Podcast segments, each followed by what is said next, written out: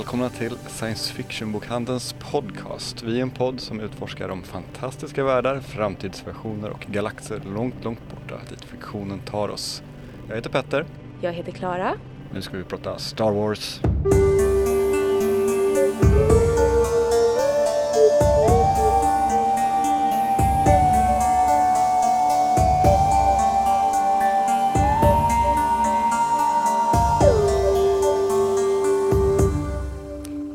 Kanske vi ska nämna några saker som kommer hända i eh, våra butiker. Ja, det tycker jag. Just nu är det inte jättemycket events. Eh, Nej, det är julhandel. julhandel för full rulle. Som någon har varit i någon av våra butiker så Har de nog märkt det. ja, Men vi kommer ha events i eh, januari. precis. De första för eh, 2020. Ja, Vad händer då? då kommer Jack Werner till alla våra butiker. Just det. Han kommer då komma till varje butik och signera nya utgåvan av Creepypasta. Spökhistorier från internet. De kom först ut 2014 Så det här är alltså en reviderad utgåva av Precis. Och eh, då kommer han först att hamna i Malmö den 29 januari. Mm. Den 30 januari Göteborgsbutiken Mm. och den 31 januari är han uppe i Stockholm och signerar. Och de här eventen finns upplagda på vår Facebook-sida. Precis, och då även på vår hemsida sfbok.se. Så det är bara att gå in och läsa där om, eh, för all information med tider och eh, ja, Mm. annat smått och gott. Precis. Är det något mer som händer? Jo men Mats Strandberg och Jenny Jägerfeld kommer med Monster After Work, det här terapi Just det. med monster och de kommer vara i Stockholmsbutiken den 24 januari. Mm. Eh, Så det kommer bli jättespännande också. Om allt går som planerat så kommer de komma hit och prata om boken i vår podd nästa. nästa Just det. Ja. Det kommer bli superspännande. Och det var som sagt den eh, 24 januari i Stockholmsbutiken. Just det. Och de kommer senare i februari vara i Malmö och Göteborgsbutikerna 5 och 6 januari. Februari kanske. Februari, jag kan fortfarande inte månaderna. Nej, det är svårt. Men ja, då kommer de alltså vara i Göteborg och Malmö den femte och sjätte Ja, februari. Malmö den 5 februari och Göteborg den 6 februari. Och information om dessa event finns också på vår Facebook och sfbok.se. Men Star Wars. Star Wars, den här lilla franchisen. Ja, det, som, är- det, är lite, det är lite så här specifikt. Alla känner inte till det. Nej, det är lite så här, det är det som är lite kul att jobba på bokhandeln, att vi är lite, lite nischade sådär. Ja. Eh, och sådana här som är verkliga nördar, vi känner till de här små, små, små indie-favoriterna som Star Wars till Star Wars, exempel. när det kom ut i Sverige så hette det först då Stjärnornas krig. Precis. Det är någon som känner till det. Mm, mm. Ja, Och om det är någon som har, vet om det så kommer den ha en ny film som eh, kommer att ha fått premiär när detta avsnitt sänds. precis. Det här avsnittet går ju upp den 19 19 december och eh, Rise of Skywalker, episod 9, går upp på bio den 18. i Sverige. I andra länder är det den 20. Precis, USA till exempel. Haha, tji fick de. Så att vi kommer väl prata lite om den. Mm. Eh, och så får ni se, om ni redan har sett den när ni hör det här, så får ni ha det i åtanke att vi har i nuläget inte sett Rise of Skywalker. Nej. Jag har min biljett till den 19. Mm. Jag har min biljett till den 20 och jag har biljett till den 21. Så det är lite den nivån vi är på. Jag har faktiskt bara en biljett Ah, hittills Ja. till den 18. Och du ska se den den 18 alltså? Jag ska se den den 18. Mm. Jag hann inte fixa det till morgonvisningen där. Men Nej. jag skulle nog inte heller ha kunnat gå på morgonvisningen. Nej, Så jag kommer gå på kvällsvisningen. så länge man ser den. Ja. Ja, nej, men det är superspännande och det Mm. är då del 9 i vad som kallas Skywalker-sagan. ja Det är dags att ro- sno ihop den här säcken, är det väl tänkt. Men eh, jag vet inte, var ska vi börja någonstans? Jag tänker vi kanske ska avsluta med lite spekulationer kring den Mm. och eh, sen kanske börja. Vad är liksom din relation till Star Wars? Oj, det är nog, eh, det, är nog det, det som jag har varit nörd på längst och mest. Det är en väldigt stark relation faktiskt. Jag, jag var nog sju år när jag såg den ursprungliga trilogin först Mm. på VHS. Ja, ja, det var ju VHS de, som du Ja, såg det var, första gången. det var 90-talet. Så Ja. det var VHS. Och då vart, då vart man fast Och, då, och det var innan Phantom Menace kom och. Mm, mm, just det. Ehm, och sen läste jag ju också, för jag var i rätt åldersgrupp när de kom.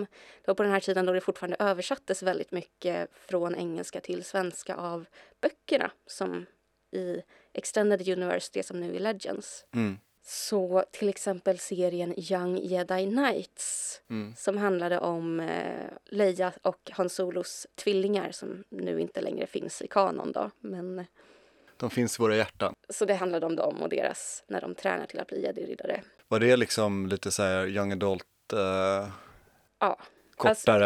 fa- väldigt korta så de, måste, de kan ju knappt ha varit mer än 150-200 sidor långa. mm, De var väldigt tunna böcker men det var en Mm. lång serie. Det var Kevin J. Anderson och kan, inte Timothy Zahn. Inte, var, nej, det var inte Timothy Zahn. Timothy Zahn var ju han som startade hela Extended Universe-boomen. Ja, precis. Young Jedi Knights, de skrevs ju då av eh, Kevin J. Anderson som även är science fiction-författare i sin egen person. Mm. Och eh, Rebecca Moesta. Jag vet faktiskt inte hur de uttalas för att Nej. det här är den tiden då man läste allt på svenska. Ja. Och Så i, i ditt sinne så var hon Moesta? Moesta Ja, och Kevin J. Andersson. klassiskt.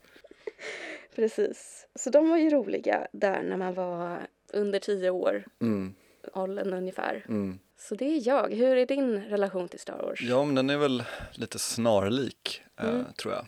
Den började också, jag kommer ihåg att de gick, de sändes på TV4 eh, någon gång mitten på 90-talet, kanske 94, 95, någon sånt Mm. där typ.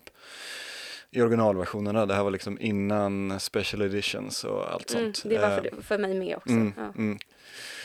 Så, och jag var väl, vad var jag? 90, jag var 10-11, jag var ganska mesig då, alltså, eller mesigare än vad jag är idag.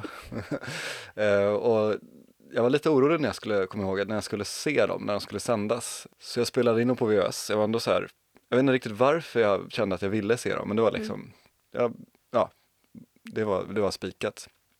Skulle jag spela in dem på VHS, men jag tror jag hade sett att de var från 15 år, så jag var lite orolig att de skulle vara supervåldsamma och att jag skulle få så här men för livet när jag skulle se dem. Eh, så jag satt och spelade in första Episod 4, A New Hope, som den blev komma kallas i efterhand. Och satt där och jag kommer vid ett tillfälle då när Obi-Wan ska slåss mot Darth Vader, då satt jag och pausade inspelningen för jag var, så här, jag var rädd att det skulle bli massa splatter och blod och sånt där. Jag var liksom helt så här. Det är den minst splattriga dödsscenen Ja, kanske lamaste fighten i alla. Är det spoilervarning på det? Nej, det tycker jag inte. Om ni lyssnar på det här och blir spoilade av den, då. Vi kommer inte spoila Mandalorian, kan vi säga. Nej. För det är bara jag som har sett, men det kommer vi till senare. Eh, men allt fram tills episod 8, Det är fair game. det är fair game tycker Och jag. Har ni inte sett det nu, se det. Ja, exakt. Vad gör ni här? Ni, ni har ju sett det. Det är klart ni har sett Star Wars. Jag är Lukes pappa. Ja. Åh nej! Ja. Ja, nej men så att då hade jag, jag spelade in, spelade in alla tre som fanns då eh, på Mm. Från TV4. Och ja, med undantaget då att Episod 4 hade inte med eh, Obi-Wan mot, eh, mot Darth Vader. Det var så här, de typ dök upp, tittade på varandra och så var det bara klipp till att de lämnade, lämnade dödsstjärnan. ja, så det var där jag började och ehm, vi hade en Star Wars-klubb tillsammans med en klasskompis då i femman. Och jag tänkte, jag hittade det här, jag höll på att flytta här nyligen, lite behind the scenes. Och då hittade jag, vi hade ett intygsprov från med i den här klubben. Nej, vad roligt. Och jag hittade det eh, i någon gammal låda. Så jag tänkte kanske bara för att se om du är redo att, att om du skulle få vara med i vår Får jag Star vara med i er klubb? Ja, vi får se, vi får Ja. se om du klarar det här. Mm. Jag kan inte svara på de här frågorna kan jag säga. Det här borde jag kollat upp innan. Eh, och de är lite av varierande svårighetsgrad också Okej. kan jag säga. Eh, så då har vi fråga ett. Det är åtta frågor totalt, så Okej. håll i hatten. Mm. Vi bränner av dem fort. Eh, fråga, fråga ett. Hur många språk kan 3PO? Sex miljoner. Ja, jag tror det. Och det ja, som sagt, ganska här, variation på svårighetsgraden här. Fråga två. Vad heter Han Solos hårige vän? Chewie. Ja, Eller Chewbacca. Ja. Yes. Fråga tre. Det här är min, den här frågan, är formuleringen på den här. Eh, vad heter den skurkiga fetmahögen? Det är faktiskt en rolig grej för att när jag var liten så blandade jag ihop Jabba the Hutt med Boba Fett just för att Ah, jag tänkte mm. att fett, då är det den där liksom Mm, mm, högen. Mm. Men eh, Så ditt svar är alltså inte Boba Fett utan det är, mitt svar är inte Boba Fett som sen blev en av mina favoritkaraktärer. ja, Eh, mitt svar är Jabba the Hutt. ja snyggt. Och sen fråga fyra, nej vad var det någonstans? Jo det var tre. Mm. Fyra, eh, hur blev Darth Vader ond? Visste ni det? Jag tror inte vi visste det, det är det som är så roligt. Eh, Men då får man ju gå på vad eh, Obi-Wan säger. precis. Där kommer jag bara ihåg He betrayed and murdered your father. Mm. Säger de någonting i Return of... Jag kan tänka mig att, att vi tänkte att rätt svar skulle vara att kejsaren gjorde hon ond. Typ. Alltså så här, det du får är- tänka att det var en tioåring som skrev det här. kejsaren Typ. gjorde honom ond. Och Ja. det är när man har sett prequelserna sen Exakt, så... det var det som hände. Vi var lite, kanske vi, ja, förutsatt att det var det så vi tänkte så. Det, kän, det känns... Ja. Ja. Eh, fråga fem, vad heter han som bor bland molnen? Lando. Bra. Eh, fråga sex, vad heter de små björnarna i Star Wars 3? Star Wars Episod 6 då. Ja, exakt, Return of the Jedi. Ja, eh, Ewoks. Ja, precis. Den här är svår. Eh, fråga sju, vad heter Luke Skywalkers X-liknande farkost? Så ni X-vinge då? Ja, exakt. Mm. Mm, precis så. Och fråga åtta, vad heter Darth Vaders stora elefant? Menar ni då så här AT-AT-gångarna? Japp, det är exakt de. Ehm, Fick jag vara med i klubben? Ja, men jag tror att du fick. Ja. eh, det enda som jag, det är väl, jag tror att det finns ett exakt svar på hur många språk 3PO kan. eh, Mm. Som är eh, en viss siffra Men det, som jag inte har i huvudet. det känns som att sex miljoner är väl det. Nej men det är mer än fl- ja, sex precis. miljoner. Exakt. Ja, more than. Ja. ja, vad kul. Jag skulle också ha velat ha en eh, Star Wars-klubb när jag var liten. Ja, jag tror att våra, det som ingick i våra möten, det var att titta på Star Wars och sen så var det här, för det här var också tiden när internet var väldigt nytt. Mm. Så vi skrev ut bilder från, alltså Star Wars-bilder från internet. Mm, jag Eh, gjorde också det och ja, Mm. Nice. den saken. Det är satte kul. eh. Det var liksom, fandom var ju en helt annan grej på Ja, den tiden. nu har det blivit, det har blivit mycket snabbare, mycket större och det är väl, det är väl både och tänker jag. Mm. Det var lite gulligt där när man satt och hittade en, en sida som är ett forumtrådar och så var det någon som är så här Star Wars-skämt. Mm. Mm. Ja, det var ju helt nytt. Ja.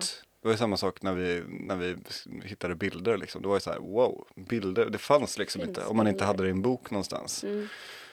Eh, sådär, så det, ja, men det var kul. Uh, nej men efter det så var det nog, det har ju bara varit ett intresse liksom sen Mm. dess. Uh, suttit sig i. Så. Och så kom prequelserna. Och så kom prequelserna. Jag var ju av den skolan att jag, jag intalade ju mig att jag gillade prequelserna. Jag tror att jag gillade dem helt eh, oironiskt. Mm. För att jag var, jag är ju lite yngre än vad du är, jag var tio Mm. när Phantom Menace kom. Och jag, det är så här, när man är liten så ser man ju inte vissa, vad ska man säga, knaggligheter i dialoger och barnskådespelarprestationer på samma sätt som man gör som vuxen. Så jag tyckte bara det var jättespännande. Jag, jag tyckte att podracing-scenen var så cool. Mm. Eh, det fanns ju också, jag tror, var det Nintendo 64 som det kom ett spel där Precis, man det kom kunde köra typ podracing. 64 och PC också tror jag. Ja, det var jättekul att Ja. spela. Mm. Och sen var jag ju fortfarande ganska liten när klonerna anfaller kom. Heter den Klonerna anfaller på svenska? Ja, Men hur är det, för du, du har börjat nu inför Rise of Skywalker så har du och jag börjat se om Mm. dem eh, från liksom eh, i, i ordning 1, 2, 3, 4, 5, 6, 7, 8. precis. Och jag har än så länge bara hunnit se om Phantom Menace. Och, Och du har jag, sett både Phantom Menace och Attack of the Clones. precis. Vad har du liksom för tankar idag när du ser dem? Alltså det är ju så himla länge sedan, för jag såg dem väldigt mycket när jag var liten. När jag säger liten, så mellan 10 till 17. Mm. säger där. Eh, Phantom Menace hade vi bara på VHS. För det var innan det kom på DVD. Jag tror inte vi hade DVD-spelare heller Nej. då. Och, eh, och sen hade jag de andra på DVD. Så att Phantom Menace, den såg jag väldigt mycket när jag var där, 10-13 Mm. års åldern. Och sen såg jag den inte för att jag slutade kolla på VHSer. Mm. Så nu har det varit första gången jag såg om Phantom Menace sen, alltså det är ju, jag, jag är gammal.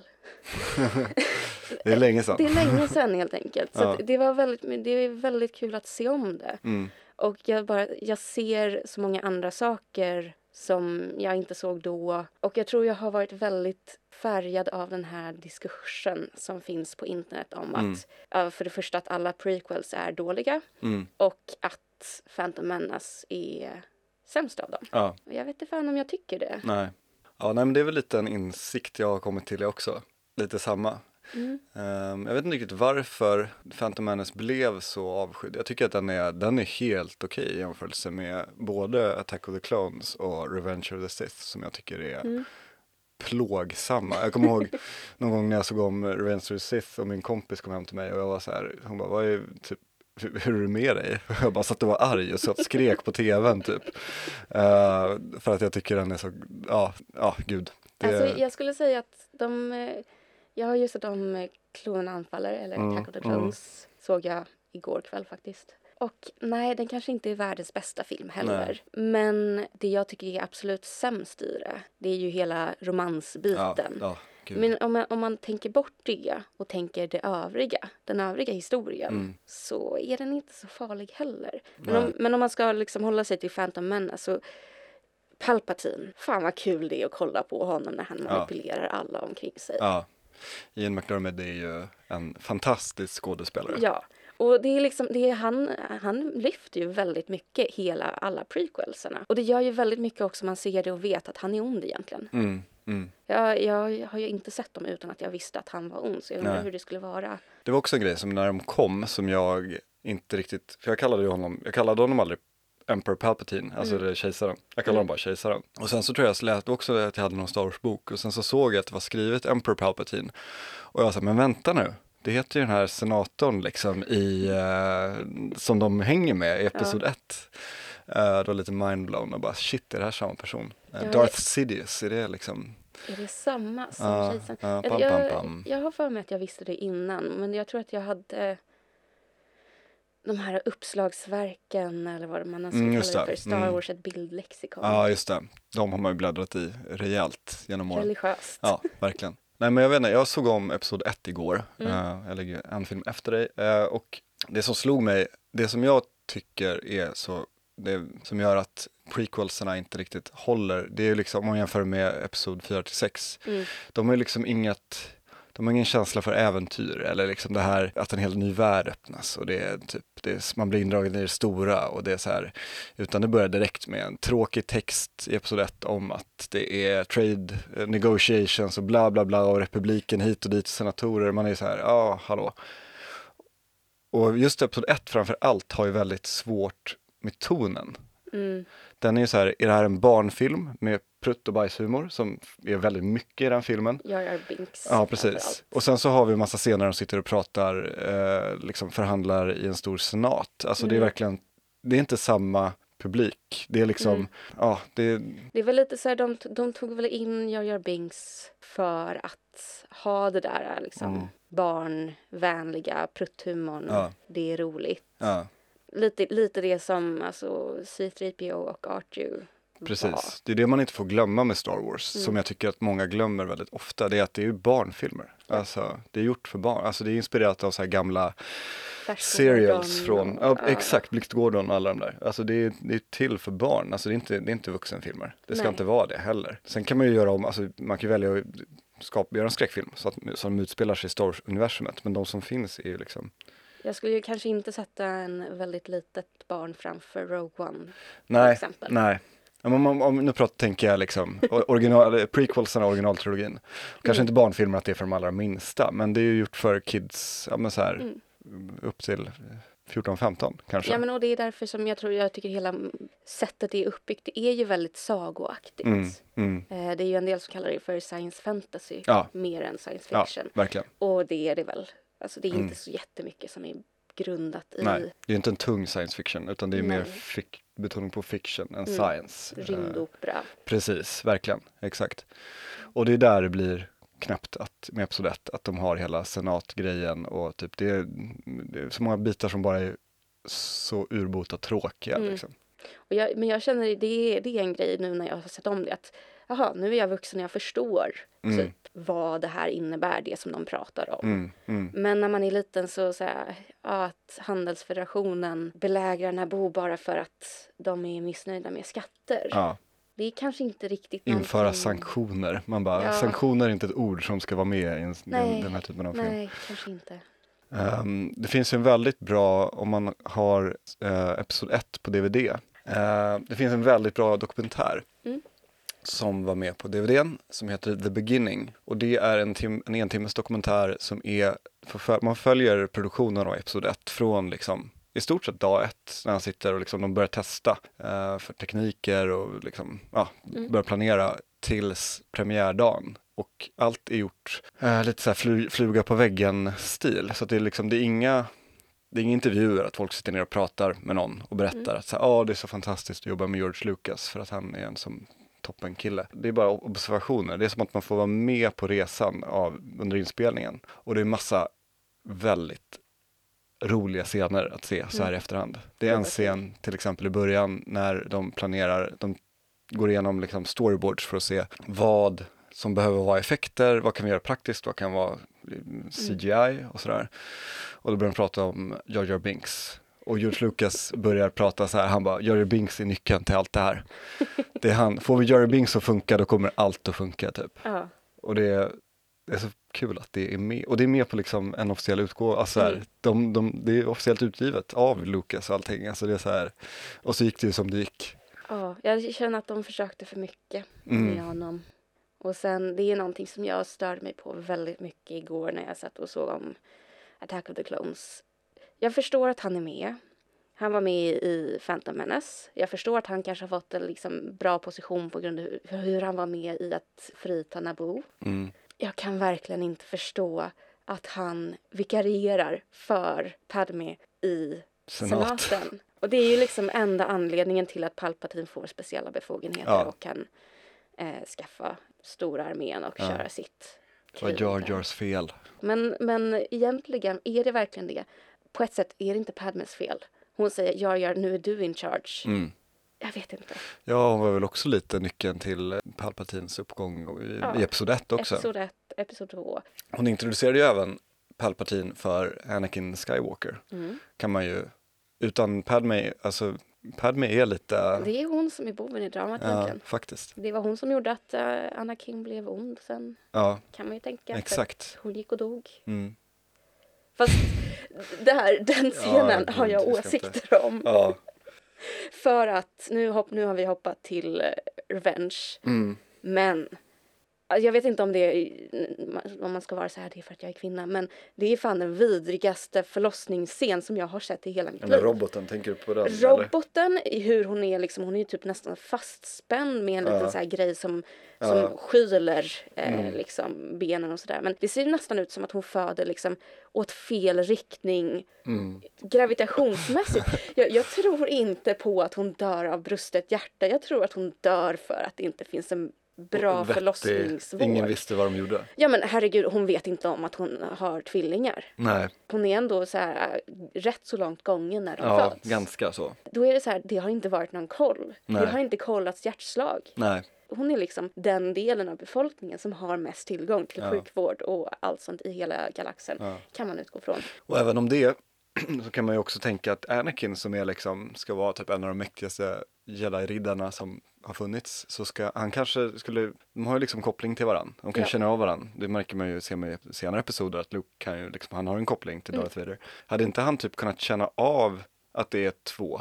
Ja, men man tycker det. För att han, han ska vara the chosen one. Han Mm. ska vara Mm. hans midichlorian. Ja gud, med Midichlorians, det är också en sån grej som är så här, det här är inte hemma, de, Det de är tar mer bort än Mäster Yoda. Ja, ta bort hela sagoelementet, det är sagoelementet Ja. som gör Star Wars så, så fantastiskt. Men det är väl kanske det också just att de vill få det till något vetenskapligt. Att det finns Mm. en vetenskap Mm. om det.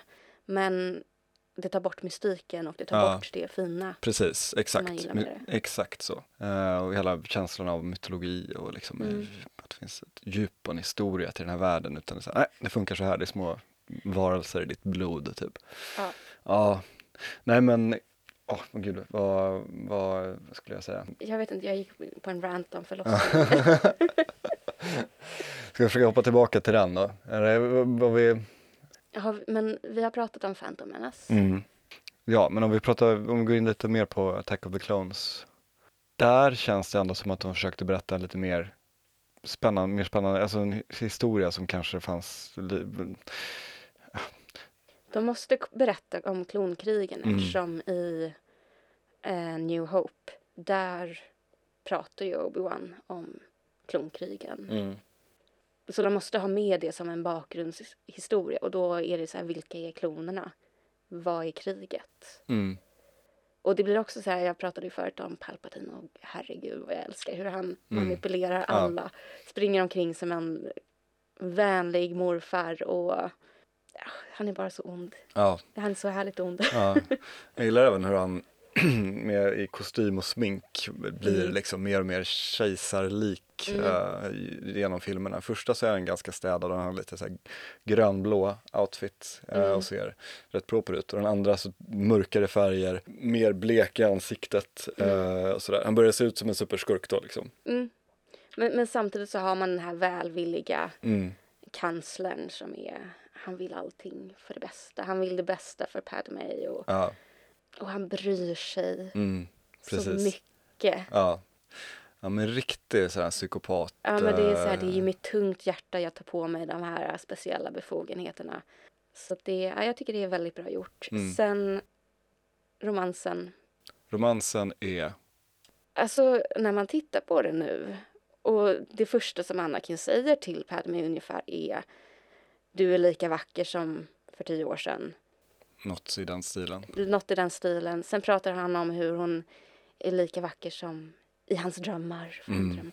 Det, Alltså, det är som skämskudde på... Det, det är det. Och, jag, jag, och jag blir liksom, det blir också sådär, hur skulle hon inte ha typ klagat till Jediorden? Jag skulle ha gjort det. Ja, ja, Om det var någon som är såhär, den här ska vara din livvakt och som pratar om hur, precis. Han- Det är inte superprofessionellt av honom. nej. Och det är också så här, man känner att Obi-Wan kanske borde ha Flikat in lite. Lite typ. Ja. Istället för att bara, ja ni två, ni ska åka iväg på en romantisk eh, semester tillsammans till Italien. Ja. Men så blev det ju. Och ja, det är ju så mycket, det är ju ofta så nämns ju eh, Anakins, när han, när han pratar om sand. Och Mm. det ska vara en så romantisk, eh, så här, de står vid, jag tror det vad heter den här, Comosjön ja. är det inspelat och det är superfint och så står han och pratar om sand och hur it gets everywhere, typ. Och man bara, åh gud, samtidigt som man typ står och smeker hennes arm, typ så här. Ja, och Jag så bara, blir det en romantisk scen och, och musiken bara bubblar. Sväller. Ja. Ja. Dock måste jag säga, på tal om musiken, John Williams musik tycker jag är kanske det bästa Ja. med prequels. Alltså Duel of Fates, den heter väl Across the Stars? Det är deras romans- Romanstemat, Stars. den är också superfin. Och i tredje kommer jag inte ihåg om det är något sånt som står ut riktigt. De hade ingen singel riktigt på dem. Men där, den. är väl mer att den tar in eh, lite så imperial themes Ja. och just arbetar med att det kommer in mer och Mm. mer. Mm. Tänkte jag. Det händer ju också i klonerna. Ja, precis. Och Mm. även i första episod ett så ligger det ju i sista, sista, typ sista tonerna, om man Ja, sitter kvar i eftertexterna, gör så, det. så går Anakins theme Mm. över till en väldigt nervarvad version av, eh, jag tror det är Imperial March. Mm. Det det, ja, det är väldigt snyggt gjort. Hatten av till John Williams för det. Men tillbaka till eh, Anakin och Padme och deras eh, fantastiska romantiska semester. Det, som ändå, det enda som är bra med det är hennes eh, outfits. Även den här som är typ, hennes midja är typ eh, en, en, när halv centimeter i diameter. Vilken är det? När de sitter, när hon äter, när de äter päron ja, med när bestick. de äter päron. Som man alltid äter med bestick. Ja, jag, vadå, gör inte du det? Jo, jo, absolut. Alltid till middag? Ja, den. Ja, det, det kanske inte är världens bästa. Men de andra klänningarna. Mm. Den när de är på picknick. Ja. Den på Sound of Music-scenen. Sound of Music-scenen. Sandscenen också, den klänningen. Ja, just det. Mm, Skitsnygg. mm, Men eh, ja, det är väl den behållningen jag får ja, därifrån. ja. Nej, men det, är, det är ju väldigt mycket duktiga människor inblandade i Mm. produktionen. Alltså det finns ju mycket pengar i Star Wars, så man har råd Ja. att ta in de bästa liksom. Ja. Eh, sen kan inte George Lucas skriva manus. Nej. Och det är väl det, för det är också det om man tänker på liksom Padme, varför ska de, alltså så här, varför ska det här paret ha den här smäktande kärleks-teamet? Alltså, teamet? jag alltså tänker- för det, deras, deras kemi är ju mindre än noll liksom. Mm, men jag tänker att det kunde ha gjorts bra. Alltså, Mm, Det är ju ja, väldigt, ja. my- väldigt mycket på grund av dialogen som det inte blir bra. Mm. Jag tror att det börjar i Phantom Menace att det börjar med att Anakin är bara, är du en ängel? Ja, Första grejen han säger till henne. Kan de inte börja som barndomsvänner? ja. Han är nio, hon är 14. Ja, det hade man kunnat köpa liksom istället Och- för, Och sen är de jättevänner och sen går de igenom det här äventyret, liksom allt som händer Mm. i Attack of the Clones. Och Mm. då, oj, det är mer än den här barndomsvänskapen. Ja. Det, det skulle ha funkat bättre för mig. Mm. Det skulle liksom känts som en mer naturlig, mm, istället för att han är besatt av henne från att han är nio. mm, det är jättekonstigt. Ja. Och att hon ska ha blivit kär i honom och sparat, hon har ju sparat sin lilla, sitt lilla halsband med den här Mm. benpipan, som, eller bensmycket som, Mm. eh, som han har gjort till henne. Men, eh, Alltså att hon skulle sparat den för att hon var kär i honom. Ja, det är, alltså med George Lucas, med tanke på vad han har skrivit i övrigt och hur han har tänkt att det här ska fungera så skulle Ja, jag inte vara det förvånad. kan, det kan nog vara det. Jag bara... 14-åringar som blir kär i en nioåring. Ja, ja. Mm. Nej, Nej. Men det kunde ha hanterats bättre. Ja. Nu har vi de filmerna vi har. ja. Ja, ja men vi har de som vi har. Och, men det är rätt kul, den har inte jag sett än. Men Topher Grace, du vet från That 70s Show, Mm.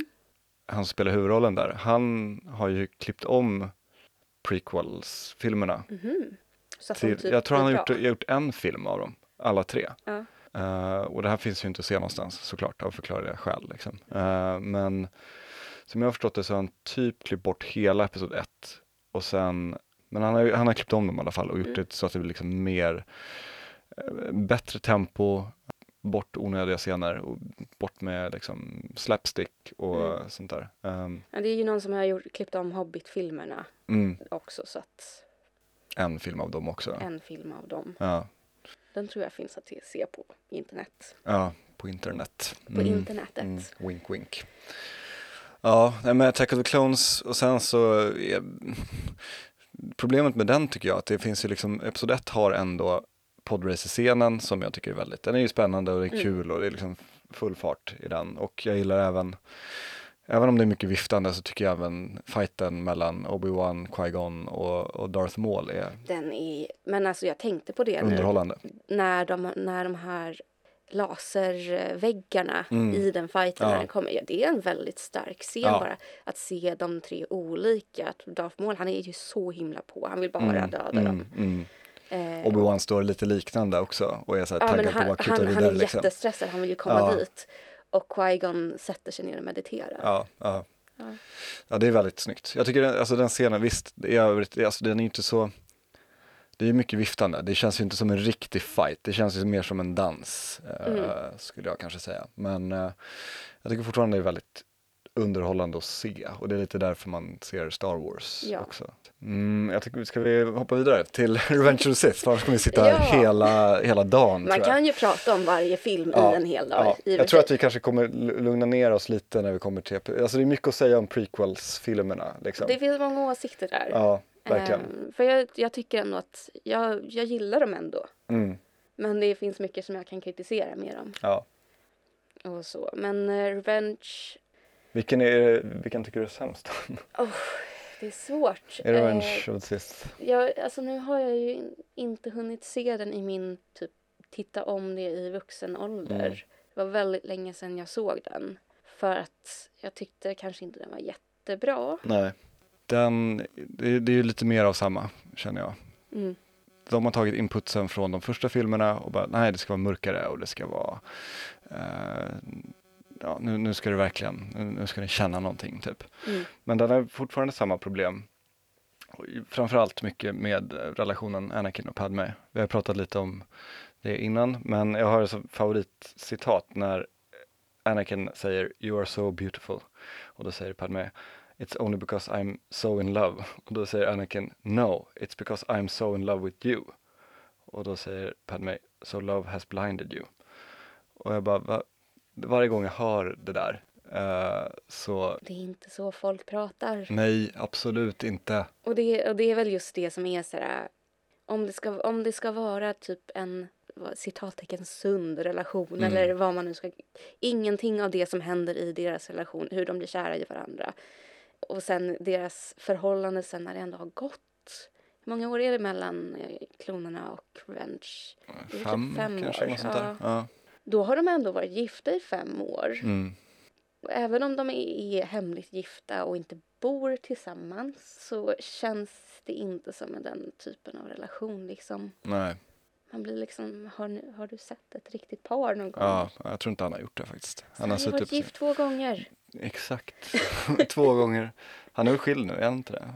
Nej, jag varit det att sista? Jag tror aldrig han... Den första frun, det var ju hon som också redigerade New Hope väldigt Ah, okej. mycket, väldigt Mm. bra. Mm. Att hon var väldigt bra med input att, på det här att säga nej George, det här funkar inte riktigt med Ja. historien. Mm. Som kanske att det saknades en sån person under prequelserna. Mm. Och sen klippte hon slaget vid Yavin 4. Mm. Men att sen efter skilsmässan så ville inte han att hon skulle Var vara inblandad alls. inblandad alls eller någonting sånt. Eh, så att hon har inte fått lika mycket uppmärksamhet Nej, för det. Jag vet inte om det är en konspirationsteori nej. på internet. jag tror att, ja, men jag, i alla fall det där om att han behövde gränser med Mm, och jag tror, in, prequels. jag tror ingen har gett honom gränser med prequels. Ingen har sagt Alltså George, Det här, gör, nu gör. backar vi lite. Ska vi läsa om det här en gång till? Och så kan vi se vad vi gör åt det sen. Typ så. Ja. För att jag tycker i grunden är det en bra historia. Det är liksom, i, i grunden är det en tragedi. Just Anakin Mm. kommer som slav. Mm. Han blir fritagen, han blir jedi-riddare, han blir jättekär i Padme. Mm. De gifter sig i hemlighet. Mm. Det här stora kriget Mm. börjar som egentligen är en manipulering av Palpatine som Mm.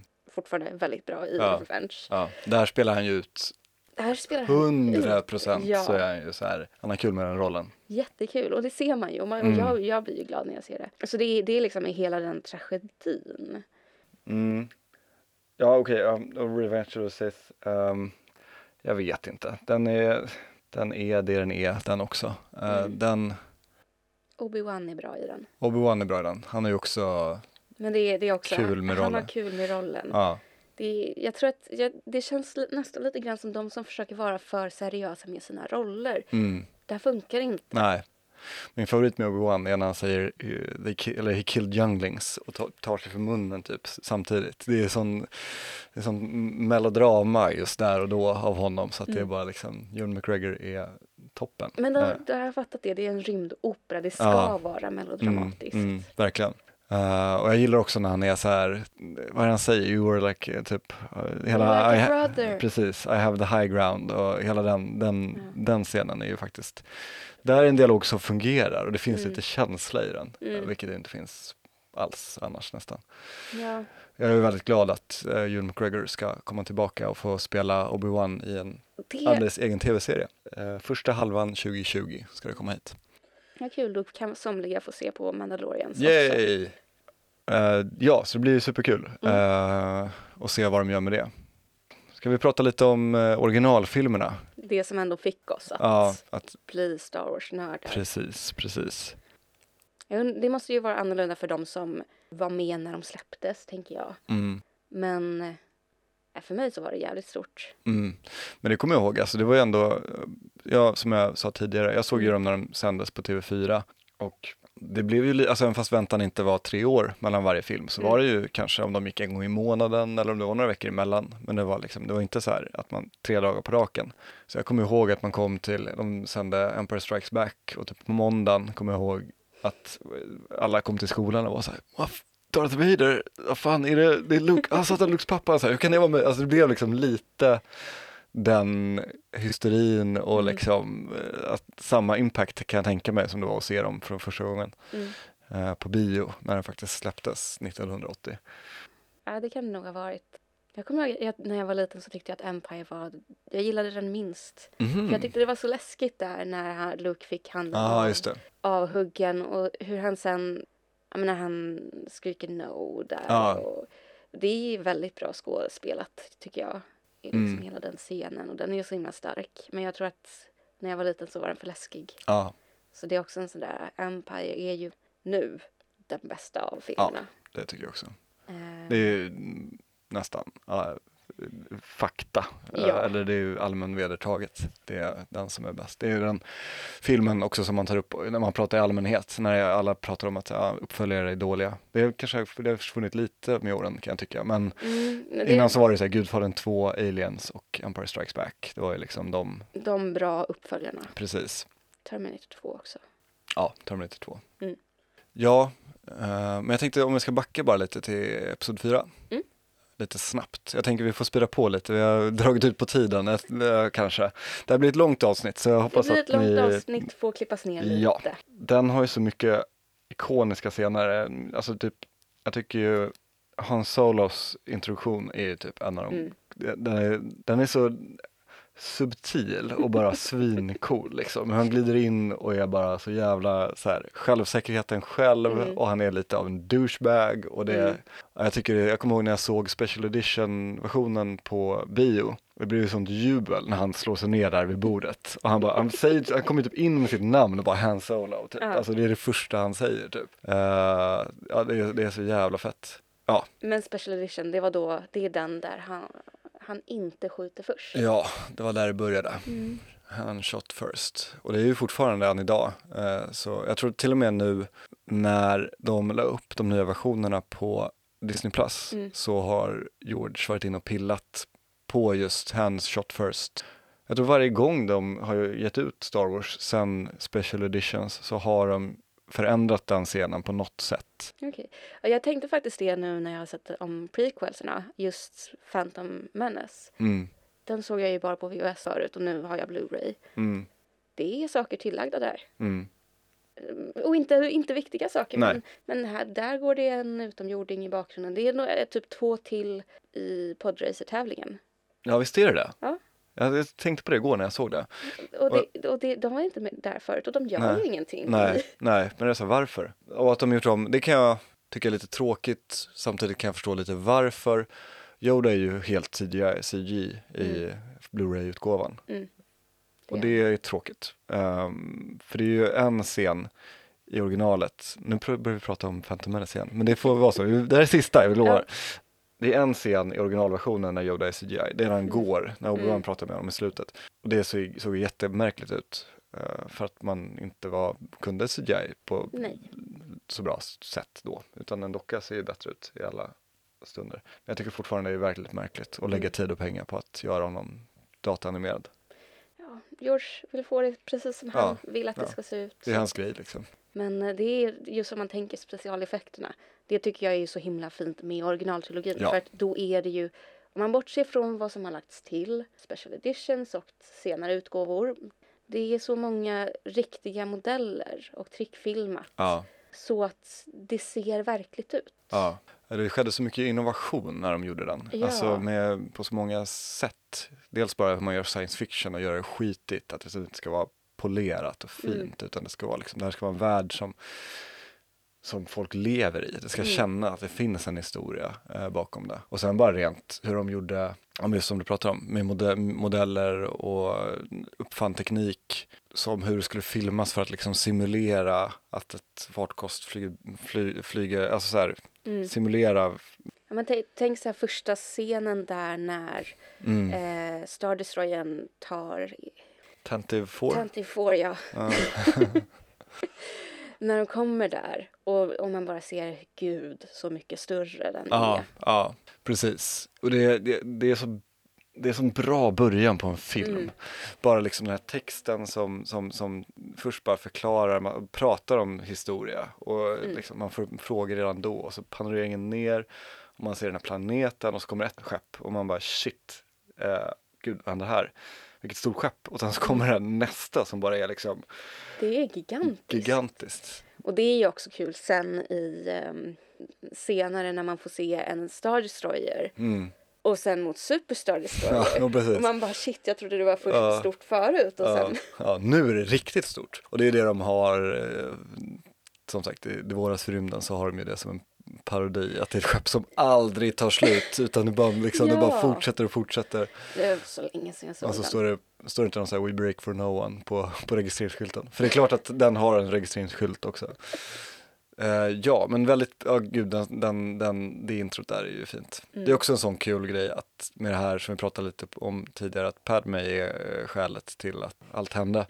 Det är också att 4 till 6 händer är ju PGA, att den här, det är någon, någon kapten eller någonting på den här Star Destroyern i början som säger när R2 och 3PO skjuts iväg i sin lilla eh, lifepod därför, Mm. eller escape-pod, så är det en, en, som sitter och har hand om vapnen på Star Destroyern och bara så här, ja, det ska vi skjuta ner den? Och den här kaptenen bara, nej, det finns inga livsformer på den, så att låt den vara, typ. Mm. Hade han skjutit den då, då hade vi inte fått några filmer alls. Ja, För då hade ju ingenting hänt efter det. Det hade bara, Luke hade fortsatt leva där på Tatooine och ja, han hade fått sina power converters. Eh, så att allt är den här kaptenens fel, eh, 4 till 6. Vi kanske kan göra det här, så kan vi hitta eh, 7 till 9, hittar vi någon syndabock där vems också. fel är Ja, det? verkligen. Ja. Jag brukar se dem som en ganska bra helhet ändå. Ja. De, jag tycker de hänger ihop väldigt bra. Mm, Och jag tycker det, det blir också ett bra avslut på Anakin Skywalker. mm, Jag tycker det är väldigt fint att han dör god igen. Och det är Ja. ju någonting som i doktrinen, jedi-doktrinen, eller vad man ska kalla det för. mm, Har man blivit ond så är man ond. mm, Men han blir god. ja, Och det betyder att man kan, man är inte ond för alltid. nej, nej exakt, det är inte svart och vitt. Mm. Um, Det är mer grått. only a Sith works in absolutes, eller vad är det de säger. Precis. Ja, men och det som jag gillar också med Empire Strikes Back är att de vågade göra den så mörk och hopplös som Mm. den är. Och Ja, den slutar ju inte på nå- Nej. någonting positivt. nej, nej, men verkligen lite hoppfullt ändå. Att det är Ja, så men- de har ändå varandra och står där och tittar De på. har varann, han har fått en ny hand. Mm, exakt. Ehm, men det är fortfarande jävligt mycket jobbigt som har hänt. Ja, de har blivit av med hans solo. Han har fått reda på att han är son till liksom sin värsta fiende. Mm. Ehm, det, Ja, det är mycket där. ja, Det är inte, det är inte en positiv film, men den är jävligt Nej, bra. ja. Och jag tycker det är därför. mm, Liksom. För det behöver inte alltid vara den här klassiska... Det är klart att den följer den klassiska dramaturgi, liksom, Mm. motstånd, uppbyggnad Mm. och liksom, mm. allt det. Men eh, de vinner ju ändå inte. Nej, Det, nej, är, nej. det är mer att de överlever. Ja, Tjejimperiet, om någon är vinnare så är det ju de i Empire Strikes Back. Rymdimperiet slår tillbaka. Rymdimperiet slår tillbaka, indeed. Det som jag gillar med bara en sån scen, alltså det är slaget på Hoth tycker jag är Mm. fantastiskt. Det är det som jag tycker är så bra med, med alla, nästan alla slag i, i originalfilmerna, det är att det, det är såna det är så tydligt gjort, man vet vad som står på spel. Mm. Eh, det fanns inte riktigt i original, eller i, i prequel-filmerna. Ja, där känns det som att man kanske inte bryr sig lika mycket för Nej. hur det kommer gå. Nej, För våra hjältar kommer klara sig ändå. Exakt, precis. Vi vet vart det här leder någonstans. I Empire Strikes Back och New Hope, då är det också liksom, man vet typ det här, så här Om de inte klarar det här Precis, så kommer exakt. alla dö. ja, och med mm, fighten ovanför Yavin, um, Mm. de, de går igenom det till och med, de briefing, man får ju vara med på mission briefingen Mm. i början och vara så här, ja det här, vi ska hit, vi ska hitta den här eh, Så, Eh, Precis, exakt. Och vi ska skjuta ner det för då sprängs allting. Jättebra. Och det är väl en klassisk plot twist att det finns en sån, men Mm. whatever. Men det är ändå så här, vi vet, då, när man ser striden sen så blir det ju mycket bättre Det är målet som de dramaturgiskt. ska Precis, till. exakt. Vi förstår vad det är de ska göra.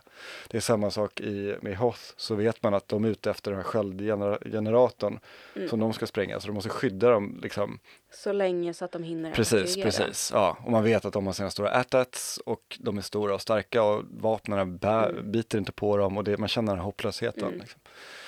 Eh, väldigt bra. Jag tycker det, den, är, den är i en klass för sig. Vilket jag tycker om man ska hoppa till, eh, nu hoppar vi lite, men Last Jedi, den här striden som är på Crate. Ja. Den scenen som det liknar Hoth, men det, det är olikt för det är salt och det är Salt och rött. Jag älskar den. Vi kan komma till Last Jedi sen. Det är så jävla Men där bra. är det också den uppställningen, att det är väldigt tydligt Mm, vad, vad stakesen är. mm, precis, de är liksom intryckta. Det är nästan lite som i Två tornen, att de är Mm. intryckta i liksom en så här slut, eller så här, vad ska man säga? Ja men de, det är deras hörn, sista liksom. ställe, liksom, Ja. intryckta i ett hörn, precis, exakt. Ska vi köra Force Awakens och de nya Ska vi filmerna? hoppa på de nya filmerna? Re- Ja. eh, Return of the Jedi snabbt, vad tycker vi om den? Den är, Jättebra. den är jättebra, det finns Ewoks. Jag, jag, det är också så här kul med en sån grej som är så här när folk stör sig på Jerry Binks som vi har gjort nu Ja. ikväll, idag.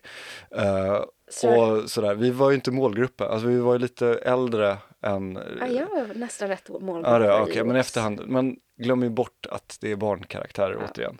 Ja. Och det är samma sak, jag tror att folk störde sig på C3PO och R2D2 när Episod Mm. 4 till 6 kom, för det är också de här lite mer komiska Man karaktärerna. hittar alltid saker att störa sig på. Ja, precis, exakt. Och eh, när jag såg Return of the Jedi så var Evo, jag tyckte de var toppen. Gulliga Ja. små björnar liksom. What's not to like? Lapp, japp. Mm, ja, och det är ju också en kriminellt att de har tagit bort Jubnab-låten. Det är det. Den är så bra, jag älskar den. Och så har de bytt ut den mot ja, men ett helt okej John Williams-stycke, men det är ju inte Ja, men Jobnab. det, det är inte samma grej. Nej, det är inte samma grej. Mm, men eh, Return of Jedi i övrigt, den är, det är en okej avslut. Det är liksom, Mm. det är inte, jag håller väl den lägst av eh, originaltrilogin, tror jag. Hmm. Så samtidigt, jag har ju Palpatine. Jag Mm, tycker väldigt mycket om Mm. kejsaren. Mm, han är väldigt bra där. Ja.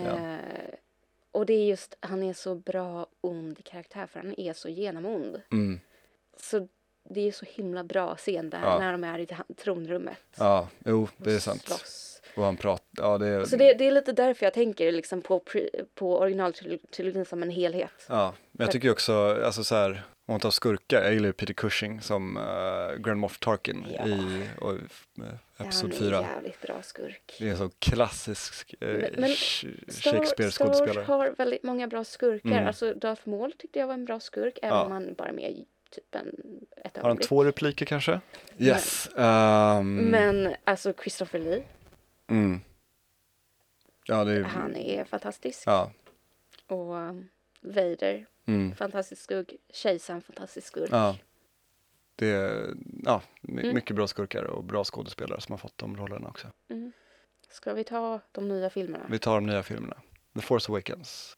Jag tyckte, jag, tyck, jag tyckte om den. Jag tycker väldigt mycket om både Force Awakens Mm. och uh, Last Jedi. Um, och visst, det är så här, det är, det är lite av en karbonkopia av A New Hope. Mm. Uh, mycket samma element, det är ett stort vapen som ska spränga och det Den finns är, en den ond är ju medvetet Och, gjord så att Mm. fansen ska gilla det. Mm. För att det som fansen gillar med originaltrilogin, så att de inte gör en prequel-trilogi där fansen blir upprörda. mm, mm. Exakt, det är så här, Och- nu ska vi köra säkra kort här. Ja. Men jag tycker det är väldigt välgjort, alltså Mm. det som vi faktiskt har fått. Uh, och det är, också återigen bra skådisar, nu är det liksom inte bara skurkarna som är bra utan det är liksom Alla. alla är bra. Och det finns känsla i det, det finns Mm. liksom, man bryr sig om karaktärerna, det gjorde man aldrig i Episod 1 till 3. Det ger en bra stämning. Det ger en bra Det stämning. ger rätt stämning. Ja, det man, kä- det liksom- känns Star Wars, alltså Ja. det tycker jag ändå de har, och det, det är inte fy skam tycker jag. Nej. Och det är kul att se liksom. Det är, det också, jag gillar hur de har gjort att det har gått tid, man ser liksom, Mm. alltså det här när de eh, man ser Ray i Jakku när hon eh, liksom letar I det delar i den gamla fallna Star Destroyern. Alltså det, Skelettet efter mm, det ja. liksom. Mm. Det är mycket, mycket, mycket fint tycker jag. Men, och det tycker jag också är ganska bra just det här att ja, rebellerna vann i Mm. Return of, of the Jedi. Men det är inte perfekt eller bra för alla. Nej, nej. Och det är liksom efterdyningarna av kriget känns Mm. fortfarande liksom. Mm. Så det tycker jag är väldigt bra gjort. Ja, precis. Och att, jag menar bara idén, alltså, men det är ju lite tråkigt kan man ju tycka att, eller jag vet inte, det är ju att det bara kom något nytt. Vad, så här, alltså för det är en sån grej som har varit en kritik mot de här nya filmerna. Så här, vad, vad var meningen med episod 4 till 6? Mm. Det är liksom så här, var, alltså att de firade i slutet av den försvinner ju lite när man vet Mm. att, ah, nej men det bara fortsätter liksom. Mm. Samtidigt så är det så här, ja, visst, det är väl klart att det kommer någon ny mm, stormakt och bara tar över. Jag tycker Mm. det känns lite rimligt. Ehm, Ja men det var alla inte direkt levde sådär inte lyckliga alla, alla sina dagar efter det. Utan, Men de spränger andra dödsstjärnan och då faller Mm. hela imperiet. ja, nej det är lite konstigt eh, Ja. så. Finns Sen i Thrawn-trilogin, eh, Mm. alltså Legends Expanded Universe, där Precis. finns ju att kejsaren hade en typ, alltså med kraften att höll ihop Ja, stridsskeppen och ja, ja, allt det där. Men Ja. eh, ja, jag vet inte. Det är, det är det som jag är lite orolig för med Rise of Skywalker Mm. nu. Och jag vet inte om folk inte har sett, nu har ni ju kanske sett den ni som lyssnar på det här och ni som typ bryr er om jag att kommer ju inte ha kolla på sett den när, när det trailers. här kommer ut så det kommer ju Ja. bli jättekul för mig att lyssna om det här. Ja, ni, ni som, ja, ni som inte har sett trailerserna har, och väntar med det har antagligen sett det här när det här avsnittet kommer. Mm. Eh, men att uh, kejsaren är med i, Ja, man hör hans filmer. röst. det är också, ah gud, Han kommer jag är tillbaka. orolig för det här. Alltså jag är, jag är väl lite både och. Mm. För jag tycker jag ju- älskar ju, han som karaktär. Ja, Sen vet jag inte, så är, så är det lite så här, kommer det passa i historien? mm. Och det, det kanske det kommer göra eller så kommer det inte göra det. Alltså tekniskt sett i det universumet så finns det ju, det finns ju de här spökena Mm. som kommer. Nu har vi bara sett det från goda jedis Ja. Det är väl inte omöjligt. Men det är så här, har han bott kvar? För man ser ju att han är på Dödsstjärnan. Och det är, Mm. det är väl också, jag vet inte, JJ Abrams som står för regi och manus den här gången. Mm. Han är ju mästare på att försöka leda sin publik. Och har ju, de här trailersna som har släppt hittills är ju väldigt beräknade i vad de visar och sådär. Och man hör kejsarens röst och hans skratt i, Mm. i dem och man ser, det är en, ett, en scen när man ser liksom över axeln på kanske någon sorts stor robotvarelse av något slag som man tänker att det där är kejsaren. Eh, och det är ju beräknat för att vi ska tro det. Alltså Mm. börja vara så här, då ska han vara en stor? Han kanske är det. Jag, jag vill inte tro det. Nej, Alltså, det vore så jävla dåligt. Och vadå, har han bott på, på dödsstjärnan, alltså så här i ruinerna i, vad är det, 30 år? Vad har han ätit för någonting? Ja, eh, och eh, jag tänkte med, och sen bara att vi går förbi hela biten att han överlevde fallet ner i, i reaktorn. mm. Jag tror mer på spöke som du säger i Ja, sådana jag, fall. jag, jag tror det måste vara något spöke. Och det är, det är någon teori som jag läste någonstans. Att det är någon som har den teorin att kejsaren har låtsats vara Anakin eller Vaders spöke för att påverka Kylo Ren. Sen vet inte jag hur. Men Nej. just för den här scenen i Force Awakens när han pratar med eh, Vaders Hjälm. hjälm, brända hjälm där. Mm. På ett sätt känner jag att ja, det skulle ju kunna vara lite rimligt. Det är någonting som jag skulle kunna tänka mig att Mm. kejsaren skulle kunna göra. Mm. Men samtidigt så, det här är ju bara spekulationer. Ja, den scenen har jag bara sett att han har någon idé om sin morfar. Mm, och vill leva upp till det ödet. Han är liksom inte nöjd med, med, med hur han har växt upp och Mm. vill något annat. Alltså så här, jag vet inte, det jag har inte läst in något magiskt i, i just den scenen. Utan inte det är mer inte att han, heller, men efter att jag läste den här, här- scenen, Ja. äh, den, här, förlåt, den här teorin om Mm. den scenen Mm. och just som knöt ihop det med att kejsaren kommer Mm, mm. kanske tillbaka. Då, ja, det skulle kunna vara någonting som skulle funka. ja, Men jag hade heller inte läst in något mer nej, innan jag läste den här teorin. nej, Men eh, vi har inte sagt någonting om eh, Last Jedi ja, som väldigt många ogillar. Mm. Jag, jag, har så här, jag förstår varför. ja, För att i alla andra Star Wars-filmer så är det väldigt tydligt. Den är ond, den är god. ja, Eh, men här får vi inte... Här är perspektivet mer utifrån våra, våra huvudkaraktärer. Och de gör fel, för att de vet inte allting. Och vi som tittare vet inte att liksom, Holdo är schysst. mm, Liksom. nej, Man får bara följa genom Poe. Mm. Ja, precis. Och jag tycker det, jag vet inte, folk, ja, mycket vad folk klagade på Holda och jag vet inte, det, jag tycker att det bara är, det, är första gången det, liksom, de, de gör något annorlunda med, Mm. med Star Wars på ett bra sätt. jag tycker det var... Jag, jag gillade det, men... Men samtidigt kan jag förstå, vi, vi pratade ju om att det är barnfilmer. Mm, Och det blir inte lika tydligt vem som är ond, vem som är god. Nej. För att annars är det alltid så här, ja men de goda, då är det tydligt, de ska göra liksom A, B och C. mm, För mm, att när de har gjort det så kommer det bli bra. mm, De måste liksom rädda prinsessan från dödsstjärnan, mm, fly från dödsstjärnan och Mm, sen springa. ja.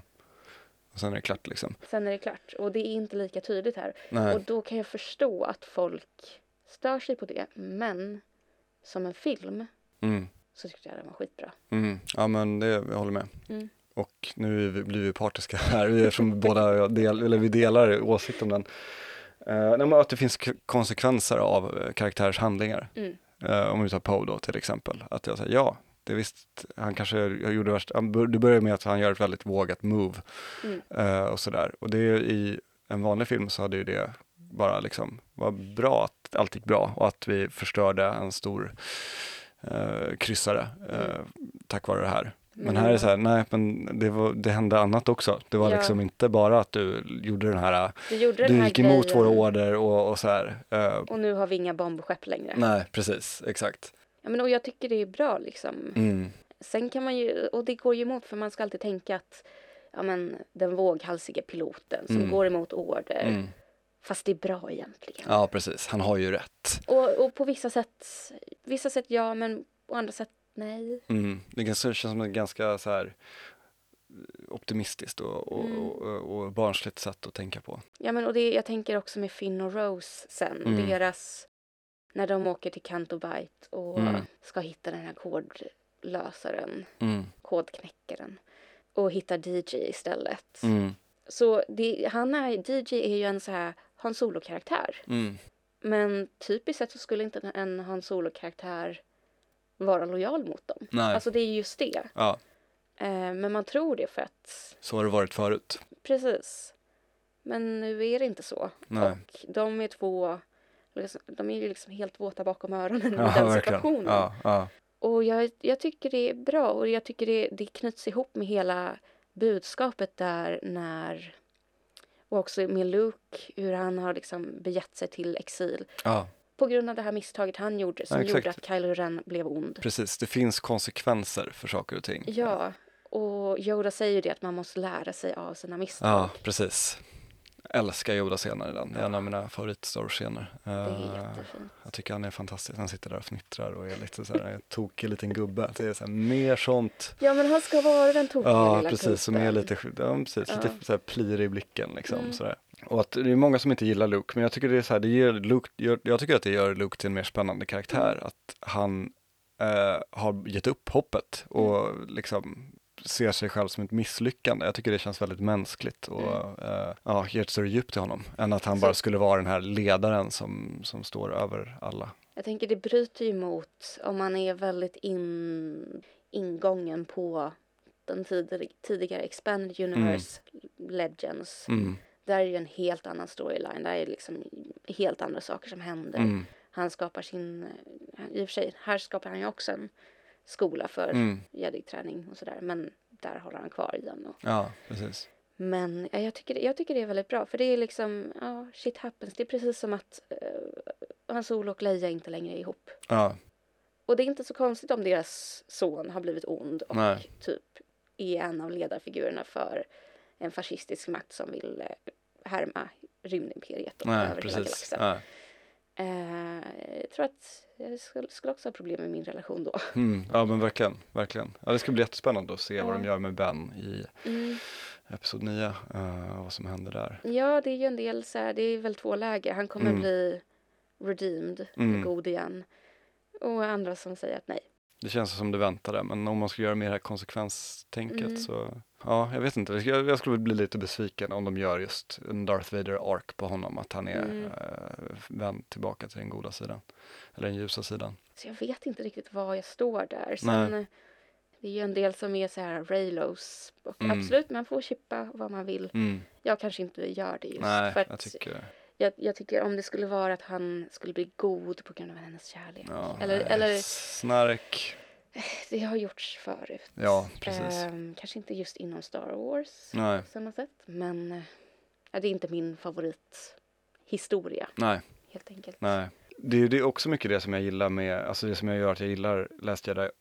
Eh, det är väl att eh, Ryan Johnson, regissören och manusförfattaren, han drog lite mattan under hela setupen som och det var ju där, jag tror det är där de tappade många fans också. Mm. Som, alla gick ju in i det här väntade, vanliga liksom. Vem, vad är Snoke? Är Snoke med hit och dit? Och han kommer vara liksom, han är, varför är han den mäktigaste? Och sådär. Rays föräldrar, gud, vem är hon egentligen? Mm, Eh, alla teorierna. Det är ja, Obi-Wan, det är Luke, Ja, det är... precis. Och Luke, alltså just, jag tycker det är så fantastiskt. Och han sätter den tonen direkt nästan Mm. i Last Jedi. När Ray, cliffhanger som Episod 7 slutar på, när hon ska ge honom lightsabern.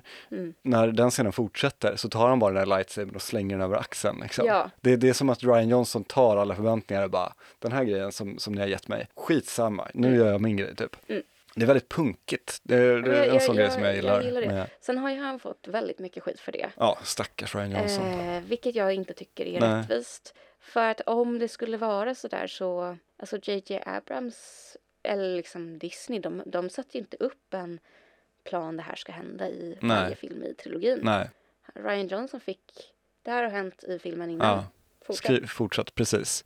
Vi gillar Last Jedi väldigt mycket. Det ska bli spännande att se Rise of Skywalker, vad som händer. Jag vet inte. Och det, den slutade på ett sånt sätt också. Så här. Den tog bort alla förväntningar. Mm. Jag vet inte vad som väntar i Rise Och of det är det Skywalker. jag tycker är kul. Ja. Alltså jag har inte kollat jätte, jag har kollat några teorier och några Mm. liksom tyckare på Youtube och, Mm. och så vidare. Men jag, har, jag vill bli överraskad. Jag med. Jag, har- Det är det jag- jag har till och med varit så här att jag, jag brukar kolla trailersna så att jag kan dem utan till.